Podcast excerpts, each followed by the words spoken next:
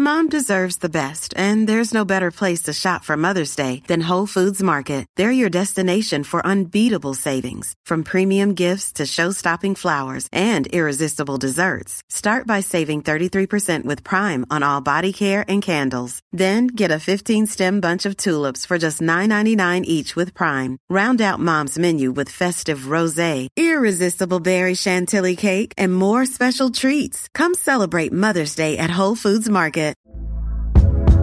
Hey there, it's Michelle Norris. I'm host of a podcast called Your Mama's Kitchen. When I travel, I'm usually looking for a way to find a taste of home when I'm not at home. And one of the things I love to do when I am at home is entertain. And Airbnb allows me to do that. When I was in California recently, I rented a house that had a great kitchen. And when we were sitting around the table, we were all thinking, we're in someone else's house. Someone could be in all of our homes as well.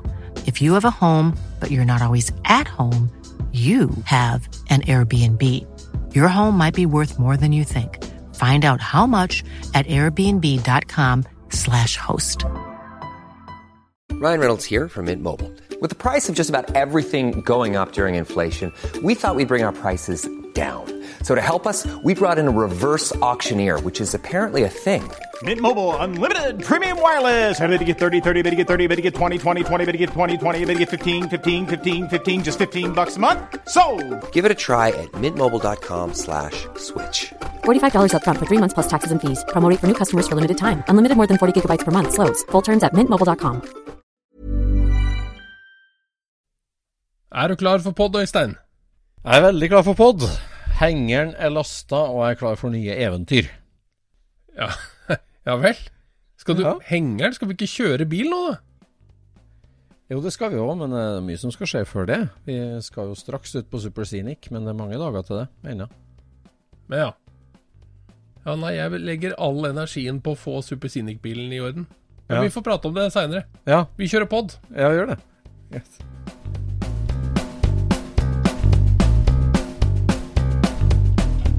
Du lytter nå til Scootspodden, en norsk podkast om klassisk bil med Jon Roar og Øystein.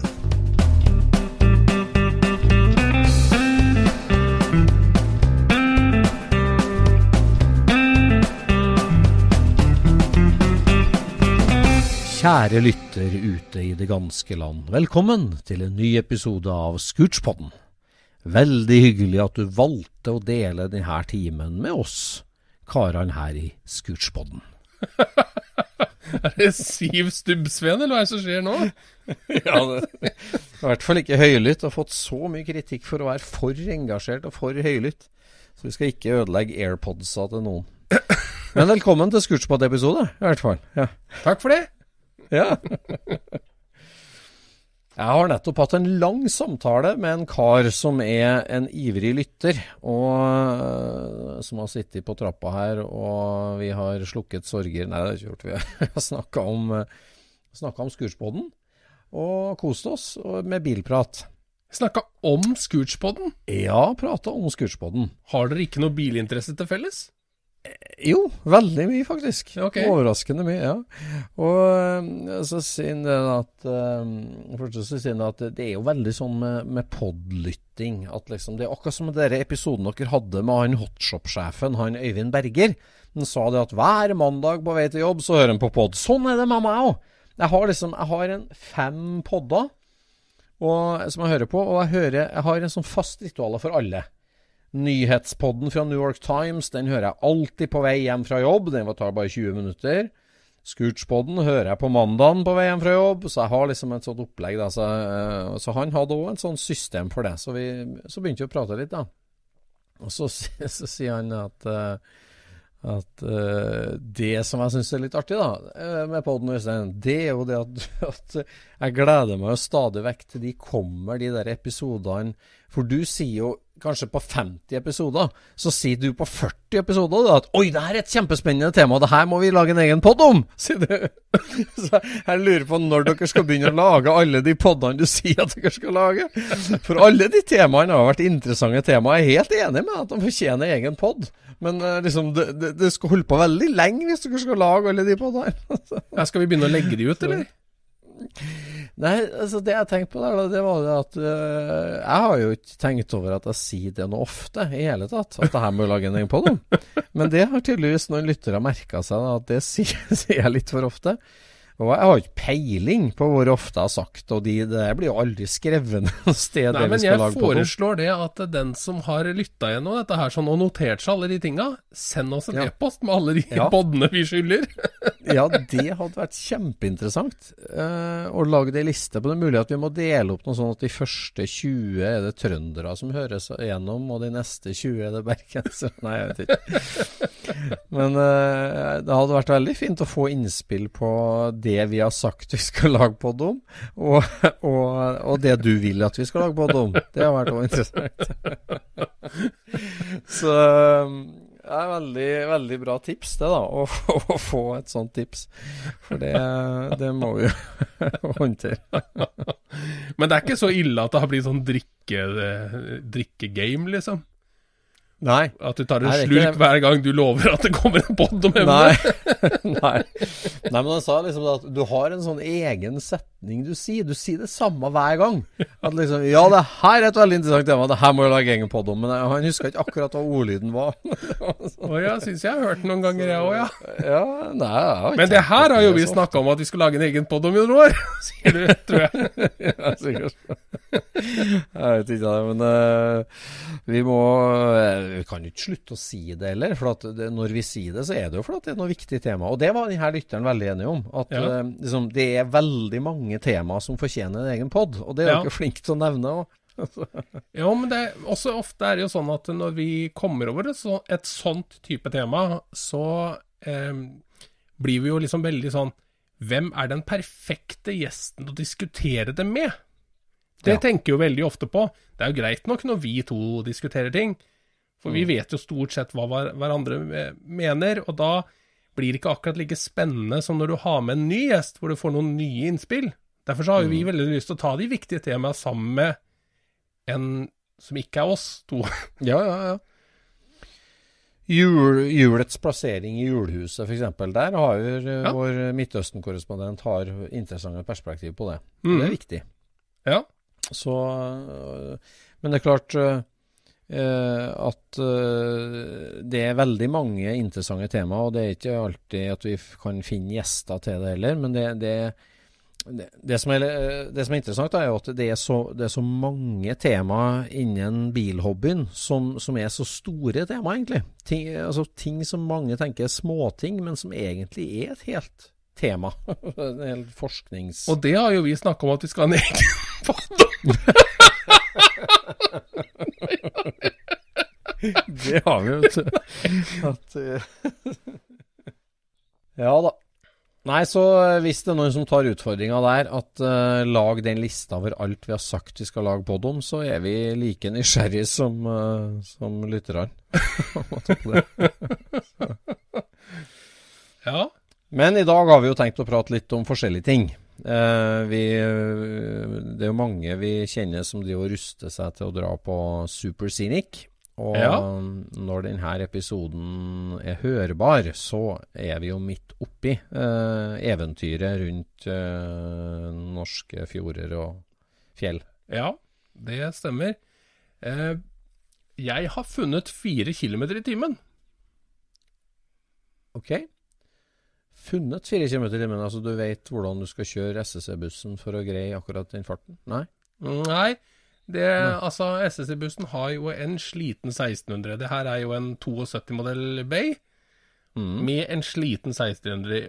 Og vi var nede i andre gir under visse perioder i fjor på Ja. Super Scenic. Ja. Det er litt masete. Og Det du er havner masete. Mm. helt bakerst når, du, når du er nødt til å kjøre i den hastigheten. Så jeg tenkte, kan jeg få ut litt mer effekt av den motoren? ja. Så da tok vi til hjelp eh, en eh, ordentlig god bakke. Ja. Og jeg hadde et startpunkt og et målepunkt oppi toppen av bakken på tredjegiret. ja. Og første gang jeg kjørte forbi det målepunktet, så hadde jeg 55 km i timen. Mm. Og ved siste tweaking av eh, fortenninga, så hadde jeg 59. Oi! 4 km i timen. Ja, Som bare lå og venta på deg på en vridning på fordeleren? Altså. Ja. Ja. Da er det vri litt og litt og litt og litt, og så sjekke. Ja. Kjørte jo flere ganger da for å se at dette stemte. Og det, hastigheten, den er ca. lik. Det, det har ikke så mye Ja. med giringa å gjøre. Altså det, ja. dette strekket er langt nok til at, uh, Mm. til at den giringa ikke spiller så mye rolle, da. ja. Mm. Og med mer hastighet, så er det mer effekt. Men eh, det betyr jo at når du da triller i nedoverbakke på gira, så skyter den og fiser litt, eller? Mm, Nei, han har ikke gjort det. Nei, nei, nei. Jeg, eh, jeg fant faktisk én kilometer i timen i dag òg. I går Ja. fant jeg fire på Ja. stille fortenninga. og så spanderte jeg da tre timer på å justere alle ventilene.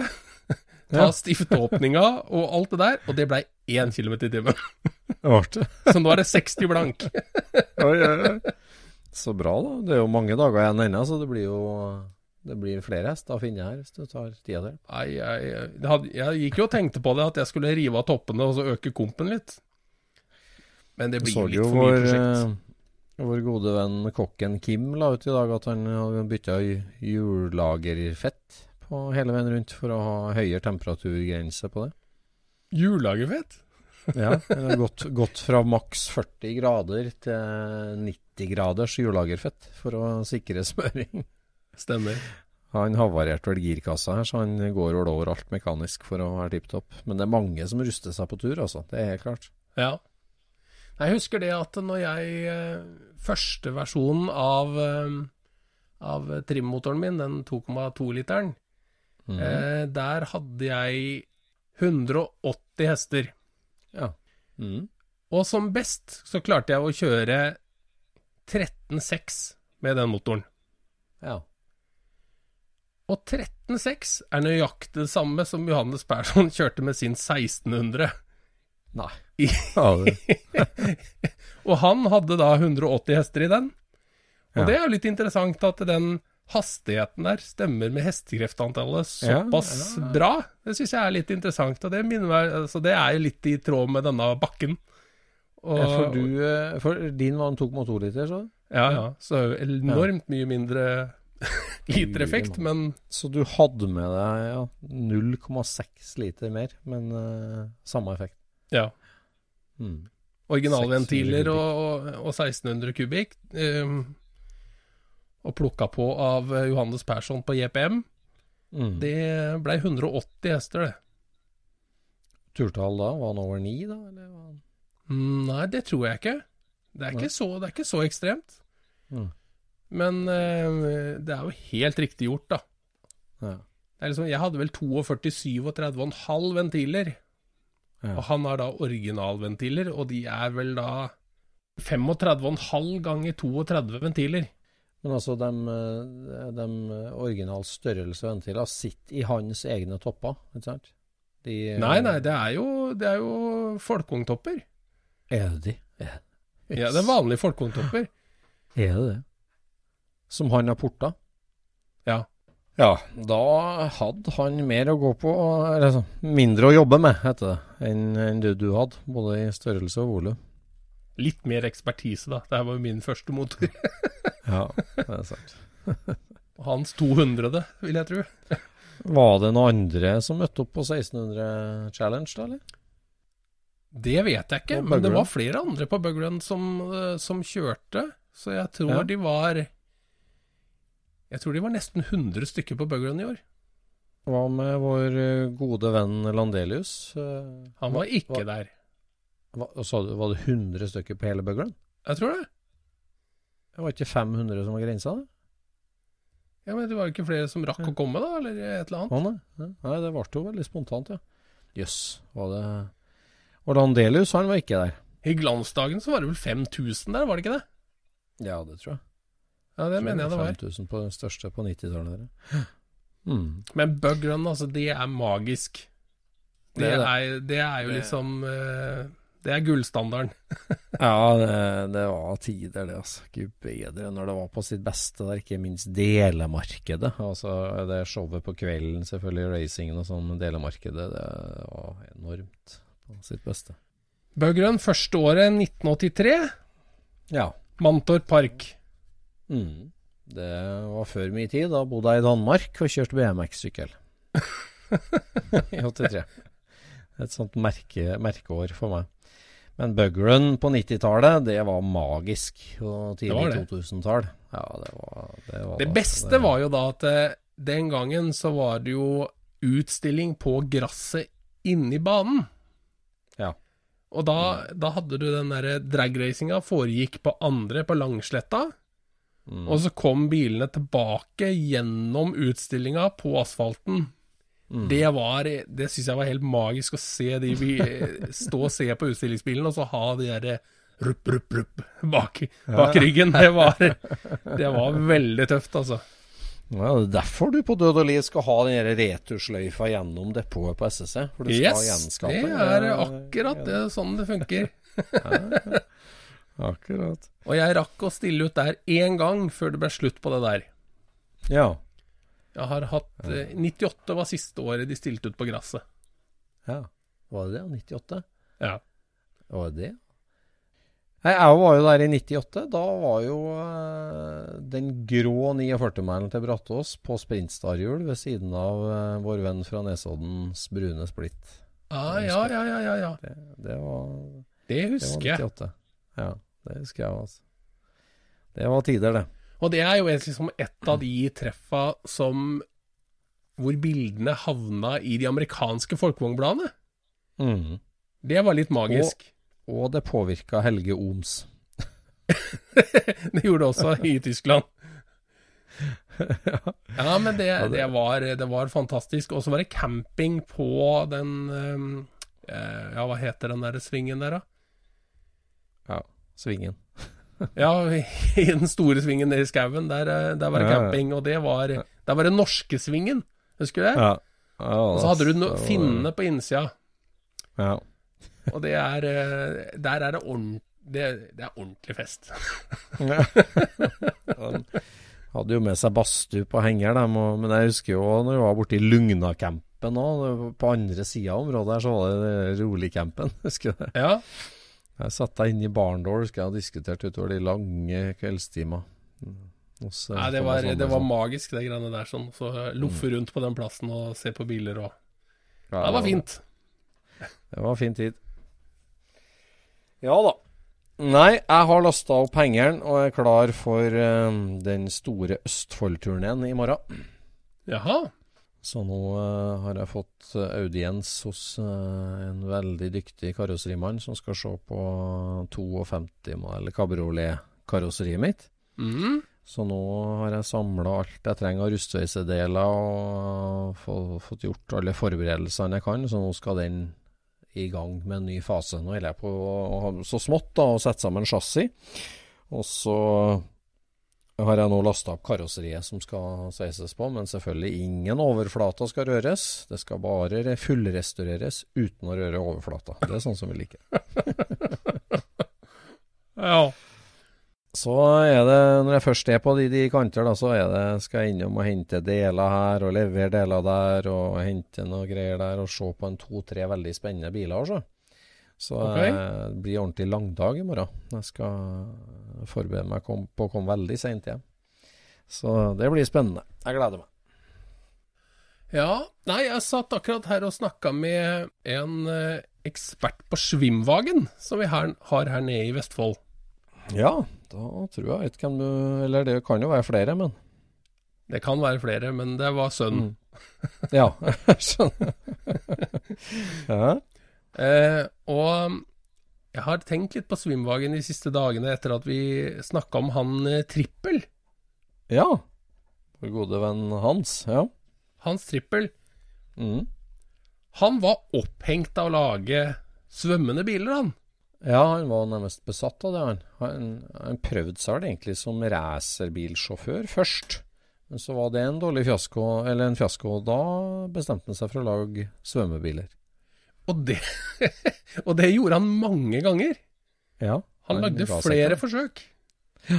Han ga seg ikke. Men han endte aldri opp med å lage svimvagen, gjorde han det? Nei, øh, det der er jo liksom litt sånn Han starta jo i 3637 vel, og lage den derre SP6, heter det ikke det, tror jeg? Den, eh, eller SP? S, SG? Nei, jeg husker ikke. Han lagde i hvert fall sin egen trippel amfibiebil, da. Med mm -hmm. trippelmotor og uh, alt det der. DKV vel? Jo, ja, DKV kanskje. Jeg tror det er DKV. Ja, ja, Han var veldig opphengt i DKV av en annen grunn. Var han det, ja? Ja, Han hadde det i den første amfibiebilen sin også, den som sank. Ja. Ja. ja, men han eh, var vel mer en gründer enn en bygger, og det trengte jo ikke det tyske krigsmaskineriet når de rulla på. Så ville de ha mer eh, konformitet i produksjon, mer enn spennende spennende prototyper. Ja. Så, så det ble kjøpt inn tre trippel SP6-biler vel, som, som eh, liksom ble nærmest donert til Porsche og si at vi må lage en eh, lettere og enklere versjon av den her. Ja. Og det ble jo starten på Svinbagen-programmet, som egentlig trippel ble litt forbikjørt på. ja. Stemmer. Mm. Mm. Men han han fikk jo seinere laga en bil med måkevingedører. Ja, det der kjenner ikke jeg helt til, det kapitlet der. Hva var det for noe? Den derre som de kopierte, det var vel SG6, ikke SP6, tror jeg. Ja, ja, det kanskje. Men uh, uansett, i 1949 så bygde han noe som skulle bli en billig bil for folket. ja, en amfibiebil, men det? Ja, det var alt. Alt er amfibie. Ja, ja, ja, Så dette var også en amfibie, men den hadde da måkevingedører. For Mercedes ja. ville bruke den patenten på sine biler. Nei. På 300? 300-en. Ja. Oi. Det kom fra trippel, det det? Det skal komme fra trippel, ja. Så det er litt artig, da. Så da har du, eh, der har du liksom koblinga mellom eh, Rommerts og Schwim, Ja. på merkelig vis. Det faktisk det. Jøss, det var ikke jeg klar over. Ja, altså 300 SL-en, jeg trodde ikke den var først ut med måkevingedøra heller, på, altså som bil, men det var kanskje det. Det, Ja, det vet ikke jeg, men det, det, Mm. det hørtes sånn ut på den historien jeg hørte. Ja. For, de, for disse altså- pølsene på, på julbuene de, Ja, det. de skal jo ha kommet fra Romerts.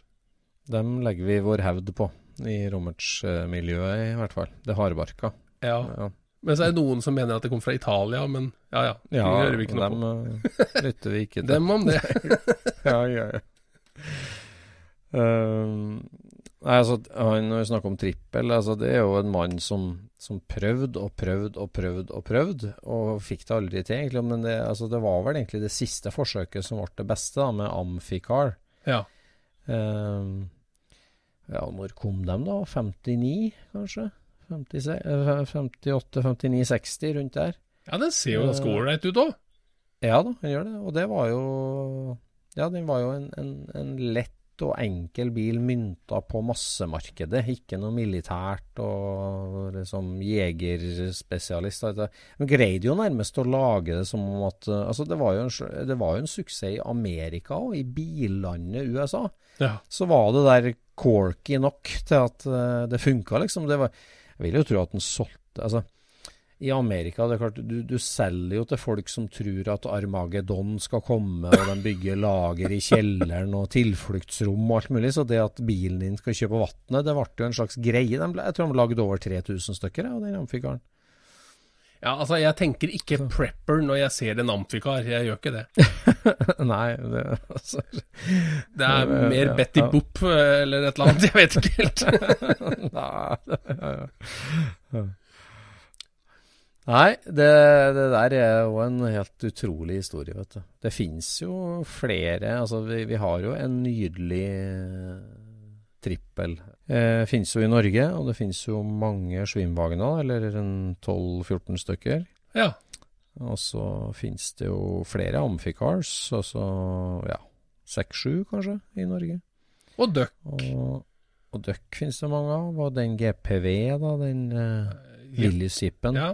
Am Amfibievillisen finnes det mange av. Eller mange, det finnes en håndfull, det gjør det. Så det er klart det var jo noen pionerer her i Norge som var veldig tidlig ut med å begynne å samle akkurat sånne biler. Så Ja. vi har mye å takke dem for at det her ble plukka opp på 70-tallet og ja, Ja. 80-tallet. Mm.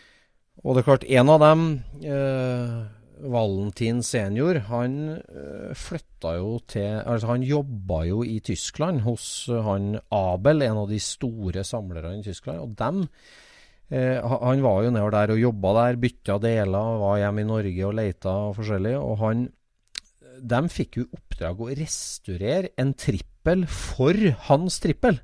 Altså selveste Selvesten som hadde en. Så han har jo vært med og sveisa og restaurert opp en sånn bil, og har jo sittet og drikket snaps på kveldene med selveste hans trippel. han. Så det, det er en ganske utrolig historie, altså, som eh, Ja, det er jo en, en av mange gode historier derifra. Så vi Jeg har ikke engang absolutt- tenkt på at det går an å sitte og drikke snaps med trippel. Du har ikke tenkt det? Nei, for han døde jo i ja, 91 eller et eller annet sånt, uten det? Eller, ja. På 90-tallet, tror jeg. Tidlig 90-tall. Da måtte han jo være gammel. Jeg si at han var 25 når krigen brøt ut. da. Ja, så han, eh, Ja. han, han døde på 90-tallet. Men trippel hadde jo en kobling til Lunde og han. Ja, da tenker du på trollet. Mm. For han var involvert i Troll. Norske bilprosjektet Trond. Ja, det var han jo.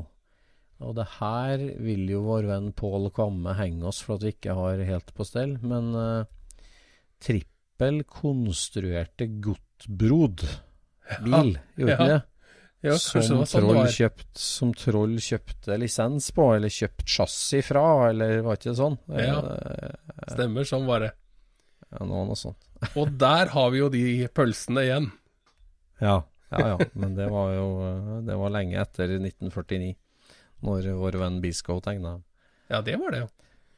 For Men alt går jo liksom Alt henger så merkelig sammen med denne her eh, amfibieentusiasten. Jeg syns det er Ja. veldig rart, altså. Ja, det er spesielt det sagt. ja. Han var en aktiv kar, han selveste Trippel. Han hadde en finger borti nesten alt som ikke ble vellykka, og i veldig mange andre ting òg. Ja, det, det, det er ikke akkurat noe seiersrekke å se tilbake på Troll. Og, men uh, den her SP6, den ene jegerbilen da, fra 37-38 som finnes i Norge, den, den var det jo en veldig tidlig entusiast som gravde opp. Den er gravd opp oppe i Odalen. Den. den var gravd ned på ei fylling og ble gravd opp i 1980 eller noe sånt. Og det er jo den eneste av sitt slag i hele verden. Oi. Det, eh, nå gjetter jeg litt, men han, han lagde kanskje 100 sånne biler, eller kanskje var et par hundre eller sånn, av den, eh, den førkrigstrippelen. Men Trippel han lagde jo den bilen på oppdrag av det tyske forsvaret, så, den, eh, så det kan godt hende at han bygde 100 av den, ja, eller 200, eller hva du sa for noe. Men uh... Ja, han lagde eh, Jeg er litt usikker, altså, for den, den var liksom litt for tung og dårlig. Den sank jo den ene under noen slags visning til eh, øverste offiserene, og så sank en av dem. Sånn at uh, den var litt tung, og det er det som er at de aller fleste som ble lagd, de er ganske litt sånn tunge firesetere. Ja. Mens de lagde da noen få sånn uh, fortropp, jegertropp-variant. Ja. Og av dem så er det bare én eneste en som overlevde, og det er den som ble gravd ned i bilbaren i sin tid. Nei. så, de, så alle de som ikke sank, de ble gravd ned, de da. Ja, du kan jo si det sånn. Det er stas. Ja. Ja, ja. Mm. Men vi skulle snakke om ditt tidligste minne fra bilverden. Ja, vi ble jo utfordra til det av eh, en lytter å snakke om hva er det første vi husker om bil, og første bilhobbytingen vi husker. Ja. Og det er et godt spørsmål. Eh, Ja, du hva, Jeg har, jeg har noe ganske snodig, for jeg husker når jeg var liten, og da snakker vi om eh, Da snakker vi om sånn tre-fireårsalderen. Ja. Så fikk jeg se en bil som jeg syns var veldig spesiell. ja. Jeg husker at jeg syntes den var helt utrolig eh, merkelig. Jeg skjønte ikke hva det var, liksom. For den gangen så var jo En bil var jo en Taunus eller en Opel eller et eller annet. Det var jo ikke noe, det var ikke noe eksotisk i trafikken på, på 70-tallet i Sandefjord. Ikke som jeg husker, i hvert fall. Jeg så jo bare helt vanlige biler. Men så var vi ute på en parkeringsplass på en, på en badestrand, da. En veldig sånn øde plass, midt i skauen, kan du si. Ja. Og der sto det en bil som var kledd med aluminiumsplater. Og på alle aluminiumsplatene så var det lakkert silhuetter av Beatles-medlemmene. Ja. Det var liksom sånn veldig, veldig rart. Masse forskjellige farger, da. Så det var sånne der monokrome bilder av Beatles på alle aluminiumsplatene på den bilen. Og dette her husker jeg den Jeg husker den rare bilen som vi så liksom med de svære bakdekka og de smale forhjula og sånt. da. ja. Det huska jeg jo.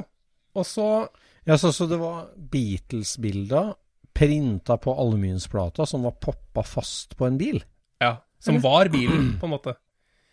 Og så huska jeg Og jeg huska liksom dette her sånn, og så snakka jeg med mor og faren min når jeg var mye, mye eldre, da. Så sier jeg hvor var, hvor var den bilen der hen, liksom? Og så huska de hvilken strand den var på og sånn. Og så sa de men vi har jo bilde av deg sammen med den bilen, sier de. Nei. Og så fant de fram, og vet du hva det var for noe? Nei. En Chenote. Chenote. Er det ikke det de heter? Ja, en sånn, eh, sånn amerikansk sånn rødramme-rail-sak, eller? Yes. yes. Hvor random er det å se en sånn på en parkeringsplass midt ute i skauen i Sandefjord? All verden. Men altså, den bilen må jo ha over... Altså, var det utenlandske skilter på den, kanskje? Eller? Nei, nei. Nei, nei, nei, nei den så jo helt uh, Altså, den var jo overlatt, liksom. Den var ikke parkert. Det vokste liksom ja, gress ved hjul. Ja, den var satt Nei. igjen der. Nei. Så jeg vet, jeg vet ikke Hva hva, historien var der, egentlig. Men det er jo en ganske random ting å se. Men altså, den bilen må jo ha dukka opp igjen da, i Sandefjord, eller ble den skrota kanskje der? Den, An, den død, aner eller? ikke. Jeg vet ikke. Det er jo altfor mange år seinere at jeg eh, fant ut hva det var, da. Jeg husker bare at det var, den så nesten ut som en fjernstyrt bil, tenkte jeg, ikke sant? Og det Altså, gjorde den jo. Det bildet, da. Det bildet av deg sjøl, har du det? da? Ja, det bildet har vi et sted. Det, det har vært artig å se. Men eh, noen i Sandefjord må jo vite om den der, altså, Ja, som var i bilmiljøet på den tida. Det måtte jo vært en veldig spesiell sak. Ja, det vil jeg si. Det var mye rart med den, kan du si. Altså, bare, bare det at det var printa disse Beatles-bildene på, liksom. Det var sånn mye jobb eh, lagt inn og sånt. Det er bare en lekebil, liksom. Ja, ja, ja. Utrolige ting. Mye rart. Ja, det var veldig rart å dukke opp i skogen der. Mm. Eh, men mitt første bilminne, det er jo eh, Altså, det, det er jo sånn ofte at du, du tror du minnes ting du har sett på bildet, da. Og jeg har jo et bilde av faren min og meg når, når jeg Altså rett etter jeg ble født, når jeg sitter på, på dørkarmen til den 28 mile russebilen, A-Forden, som jeg har i dag. Ja, ja, ja. Der har vi et bilde av far min eh, med hår og semska skinnjakke. og jeg er mindre enn et år, da, minibaby, som sitter på dørklinka på den eh, russebil A-Forden. Det, det minnes jeg jo ikke, men eh, det bildet er jo godt fastbrent. Men, men eh, en, altså, jeg fikk jo den liksom av far min når jeg var knøttliten da, og født. Så, men jeg, jeg husker jo at jeg satt og ratta på den på låven til bestefaren min, da, der den sto. Men så eh, hadde jeg to, jeg hadde to gamle tanter, som, eh, gammeltanter, som bodde sammen, som var barnløse, som drev et, en liten landhandel, en, en liten eh, dagligvarebutikk ute i Orkanger, Orkdalen, Fan- mellom Fannremmen og Orkdalen. Og der vokste jeg nærmest opp. Jeg var dit hver helg og hver ferie og var vaktmester for de to gamle tantene mine. Mm. Og, og der var jo jeg altså fra jeg var liten gutt. Så, og, og dem eh, eh, som, som butikkbil så kjøpte de en sånn Fiat eh, Balilla, heter den vel. Altså hakket etter Topolino. En tidlig 50-talls liten Fiat varebil Jaha. Som de kjørte varer rundt med til kunder, da, eldre folk som bodde i bygda, og, Ja. og kjørte dem ut varer med.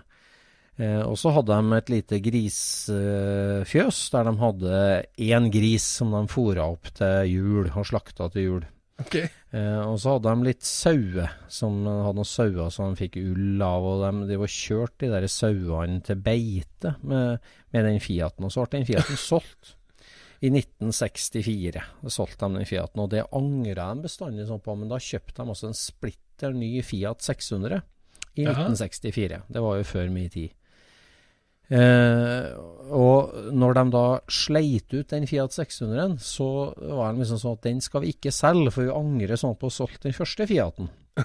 Så i 1970 Altså, de, bytt, altså de kjøpte ny Fiat da i 1970 Ja, 75 kanskje? 75, En oransje Fiat 127. Ja.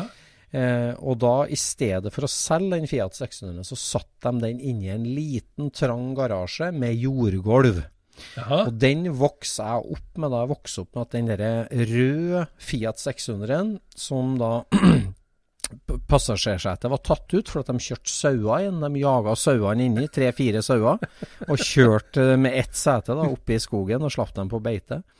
Og den Fiaten sto inni der, og jeg vokste opp da som vaktmester og ti år gammel og satt og ratta inni Fiat 600-en. Ja. Og da abonnerte jeg på Donald, og da var det med sånn Donald-klistremerker ofte. Dem tok jeg med meg ut i Fiat 600 og satt fast på dashbordet, så den ble helt fylt av Donald-klistremerker på dashbordet, den Fiaten.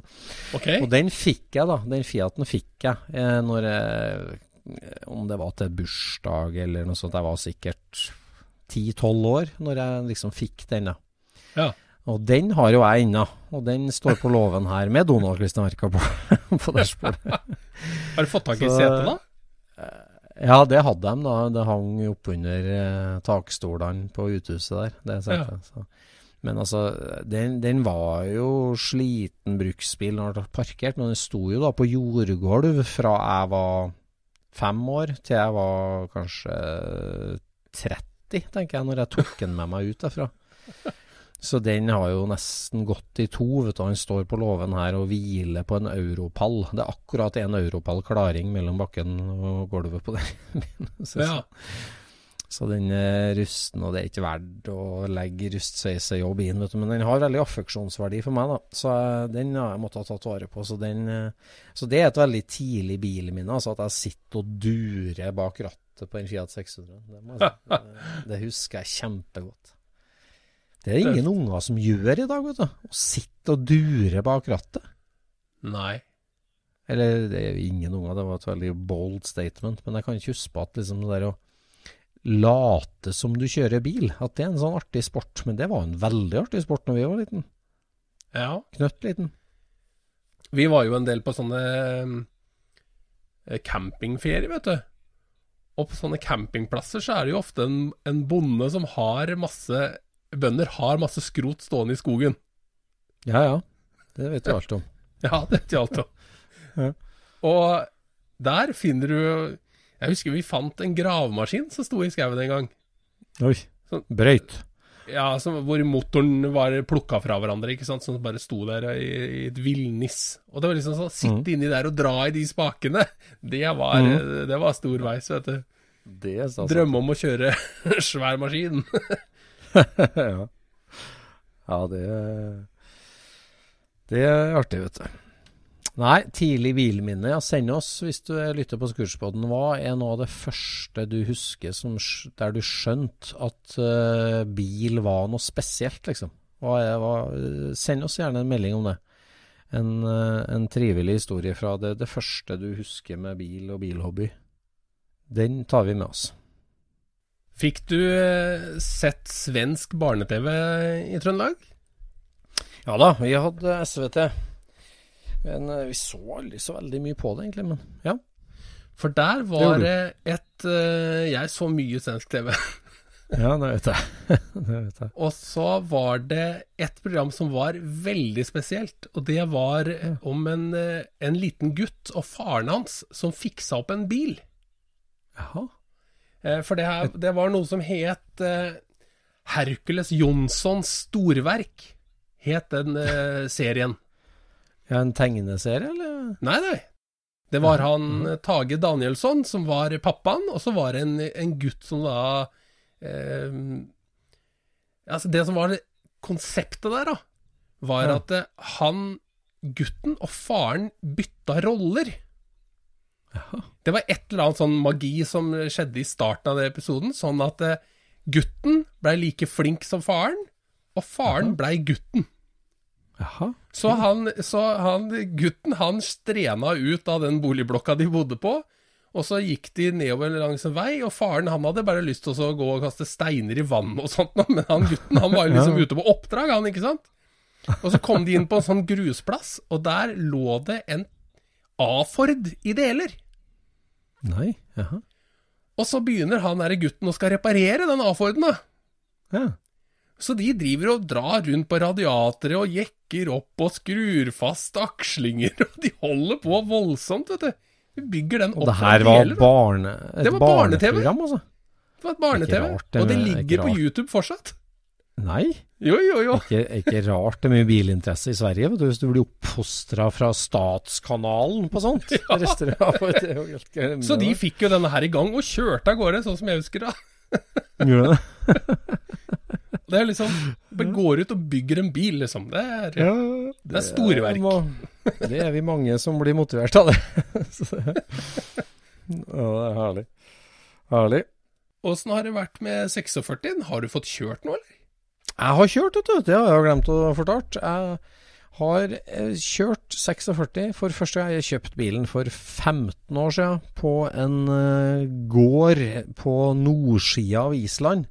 Ja. Så samla jeg deler i fem år, og så starta restaureringa for eh, Nei, samla deler i ti år, og så starta restaureringa litt sakte for fem år siden omtrent med å sende av gårde de første delene hit og dit. Mm. Og så har jeg da holdt på ganske intenst de siste to årene, egentlig. Ja, egentlig hele Scootspodens liv har jeg holdt på veldig aktivt med Ja. montering av 46. Og um, det går jo smått. Det er mye som må lages og fikses, og det er jo det er mye jobb. Men uh, i helga så starta jeg den opp, satte meg på en ølkasse og kjørte den ut av verkstedet og kjørte meg en liten tur i nabolaget her. Det var kjempestor dag, altså. Ja. Så det er klart, du blir jo Det er jo bare et ledd i videre arbeid, på en måte, med at du finner jo stadig ting småtteri som må fikses. Men det er noe med å bare vite at kløtsjen funker, girkassen fungerer. Motoren hadde jo vært kjørt i benk, så jeg visste jo at den starta for så vidt, men Ja. Men øh, det fungerte utrolig bra, altså. Det, Hvordan var det å kjøre, da? Var det, var det krigsbil, eller var det i farlig Ja, du. Nei, det var alt Det var ikke vanlig folkevogn. Det kan jeg bare si. Det det? Jeg tenkte, jeg tenkte når jeg kjørte den at det her er det absolutt mest primitive som Volkswagen noensinne har lagd. Altså det, det finnes ikke lyddemping, det er bare rettskårne drev. Det er, det er enkel eksos, det er 24,5 hestekreft, det er mekaniske bremser. Den er så simpel og basic, altså, at han eh, Jeg må si det at det er litt skrekkblandet fryd at jeg sier at vi skal kjøre til Tyskland med neste år. For det, det, det, det er hørselvern på, og det er gå sakte-aksjon, altså. Det må jeg si. Det, går ikke fælt. nei, det er ikke det, altså. Men, eh, men motoren går veldig også, må jeg si at jeg har jo liksom hørt det at uh, riktig justerte og riktig bygde mekaniske bremser er vel så bra som hydrauliske, og det kan jeg skrive på. Det var kjempebra bremser på den. Var det? Det, ja, eh, men altså der er alt gjort rett. Det er dreide tromler, det er radiusslipte bånd, det er alt er smurt opp, alt er justert. Det, er, mm, det er smurt opp vaiere, jeg har gjort det der i møysommelighet i fjorvinteren og montert alt sammen sånn. Utfordringen er vel kanskje å se hvor lenge det funker så bra, da. Ja, det er nok en utfordring, men, eh, men det, det var to, altså, jeg kasta pedalen i bånn på grusvei her, og Ja. fire like fine bremsespor på alle fire. Og For det er sikkert en sånn type ting som eh, må brukes. ja. Altså at dette, disse bremsene Ja. setter seg. Det er jo. Det der er jo i prinsippet tilhengerbremser. Og det er jo ingenting som er så ustabilt som tilhengerbremser, egentlig. Nei, du sier noe der, men uh, Jeg Nei da, det fungerte, uh, fungerte veldig bra. Men uh, det, det er masse småting som må fikses ennå, og det står jo igjen litt, uh, litt uh, ting som jeg visste om, da selvfølgelig. Men du, du lærer mye på en sånn første prøvetur, altså. Med ja, alt mulig. Så, så det var en virkelig milepæl, og veldig artig. Og ja, begynner å se slutten. Nå prøvde jeg å booke time på Biltilsynet òg, men det er jo først lang ventetid. Og så er det sånn at du må jo forskuddsbetale nå, 650 kroner for å få time til visning. Må forskuddsbetale som det ikke er refunderbart hvis du ikke møter opp. Så tenkte jeg ok, jeg må vite helt sikkert at jeg er klar før jeg Ja. bestiller den timen. Så, men du har jo to måneder nesten noe ledetid da, i området her. i hvert fall. Den store testen, da, var det noen som kom fram og sa at den blir sikkert fin når du får restaurert den? Det er jo tre stykker som har sagt det allerede. Det er det. Ja. Men uh, ikke som følge av prøveturen så var det ikke noe mer kommentarer. Det var Men åssen ser den ut i Mm. dagslys, da? Er det Jeg ble uh, beroliget. Han, var, han så bedre ut i dagsløs enn jeg hadde eh, vært redd for. For uh, det er jo en Det er jo en sånn preserveringsrestaurering. Altså all patinaen på den bilen er original. Ja. men fargen eh, er nylakkert. Det er annen farge, men det er original patina. ja, ja, det er det. Og det er jo Ja. sant. Eh, Og det, jeg var litt spent på hvordan det funka, men jeg syns det funka veldig bra. Han, han, han Altså, det ser ut som han er tatt rett ut av en film, liksom. Det, det er veldig sånn annerledes uttrykk enn eh, biler har, eh, andre biler har. Men skal den være annerledes enn de andre bilene du har? Er ikke det rart? Skulle den ikke egentlig vært lik? Ja, men det, den er annerledes, altså. Men jeg, har ingen som er Jeg har ingen som er kjørbar og så bra, men så patinert. Det har ikke jeg. Nei. Jeg, altså, jeg, jeg har noen sånne lik som jeg driver og sleper rundt på og triller rundt på, som jeg tenker liksom at det her er en skulptur. Den her skal aldri restaureres. Men denne bilen, Ja. den, den sto der med fungerende lys, og motoren dura, og den var helt kjørbar. Fine Ja. dekk. Ja. Men så, men så Den får et helt sånn- annet uttrykk, kanskje? ja. Ja, det ble veldig annerledes. Det altså. Så det har ikke egentlig noe med lakkfinishen å gjøre, det er bare at totalen blir ja, det er ukjent. ja, om det er noe med den kontrasten også, mellom å være lysende, durende, velfungerende, men sliten, liksom. Ja. Det, det, altså det blir som når du ser Top Fuel drag racing for første gang. Ja. Det er liksom at, at på en måte en bil er et objekt med fire hjul på. Det beveger seg på en spesiell måte. Og så plutselig ser du et sånt objekt som beveger seg på en helt annen måte. Da tenker du bare sånn «Æ, Var det et filmtriks, liksom? For den forsvinner så fort, den toppfugleren, at du, du kan Ja. bare ikke tro det når du, når du ser på det. Det, det, ja, det, det blir sånn det, hva hvis det kommer en rosa elefant gjennom, flyvende gjennom lufta? Det, det, det, er en sånn, det er en sånn helt absurd ting som du, som du har lært at ikke skal være sånn. ja. Så den er eh, Så den bryter noen, eh, noen eh, normer, den da? Rett og slett. Ja, jeg, følte litt sånn. Jeg følte litt sånn. Det, nå ble jeg veldig poetisk om akkurat det der, men Nei, det var en nydelig sommerkveld her òg, med gul, varm kveldssol og, og nysprunget løv og bare bedre idyll. Så Ja da, det var, det var veldig artig, altså. Det, det er artig noe sånt, for det der har vært virkelig et sånt puslespill med delejakt fra hele verden. Virkelig hele verden. Japan, Australia, Østerrike, Tyskland, USA. Uh, bi- biter til det puslespillet har kommet fra alle Ja. verdenshjørner, omtrent. Godt jobba, Øystein. Ja, artig. artig. Det er fortsatt en del igjen, altså. Men eh, nå Ja, begynner å se slutten på det. Hva gjør det, altså? Ja. Mm. Og der er over på ikke hans trippel. Ja, det er jo egentlig Svim, da, men nå kan det hende eller kabrioleten snike litt i køen her, da. Ja, ja. For den er har jo gjort en del der. Ja, ja nei, men Ja da. da får vi eh, kaste oss i bilene, da, for vi skal uh, kjøre Norge Ja. rundt. Ja, det si. skal vi altså. Jeg har gått gjennom bussen litt. Jeg får megafoner på taket, som sagt, som er på vei i posten. Jeg skal få montert dem før vi drar, håper jeg. Og så Ja. er vi i gang. T-skjorten er ferdig trykt, så da er vi klare. Hvilken farge er årets uh, T-skjorte? De er sandfargede. Ja, akkurat. Spennende. Mm. Jeg gleder meg. Vi skal selge T-skjorter, og vi skal selge klistremerker, så vær tidlig ut, skal du sikre deg det. Så ses vi på Super Scenic. Vi ses i Stryn. Ja, for når du hører det her, så bare kast deg i bilen og møte opp eh, på torget i Stryn, så kjører vi sammen videre på lørdagsmorgen. Ja. ja. Cruise on. Hei da. Scootspodden produseres av SSC Media, med god hjelp av VV Norge og Trond Dahl for hosting, Knut Micaelsen for musikk. Abonner på Scootspod via podcaster eller Acast, og følg Scootspod på Instagram og se det vi snakker om. Der kan du også komme med kommentarer og innspill, og fortelle oss hva du vil høre om.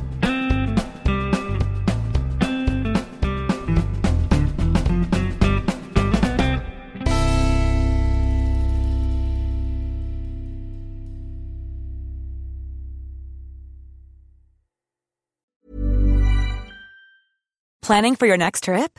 Elevate your travel style with Quince. Quince has all the jet setting essentials you'll want for your next getaway, like European linen, premium luggage options, buttery soft Italian leather bags, and so much more. And is all priced at 50 to 80% less than similar brands. Plus, Quince only works with factories that use safe and ethical manufacturing practices. Pack your bags with high-quality essentials you'll be wearing for vacations to come with Quince. Go to quince.com slash pack for free shipping and 365-day returns. Mom deserves the best, and there's no better place to shop for Mother's Day than Whole Foods Market. They're your destination for unbeatable savings, from premium gifts to show-stopping flowers and irresistible desserts. Start by saving 33% with Prime on all body care and candles. Then get a 15-stem bunch of tulips for just $9.99 each with Prime. Round out Mom's menu with festive rosé, irresistible berry chantilly cake, and more special treats. Come celebrate Mother's Day at Whole Foods Market.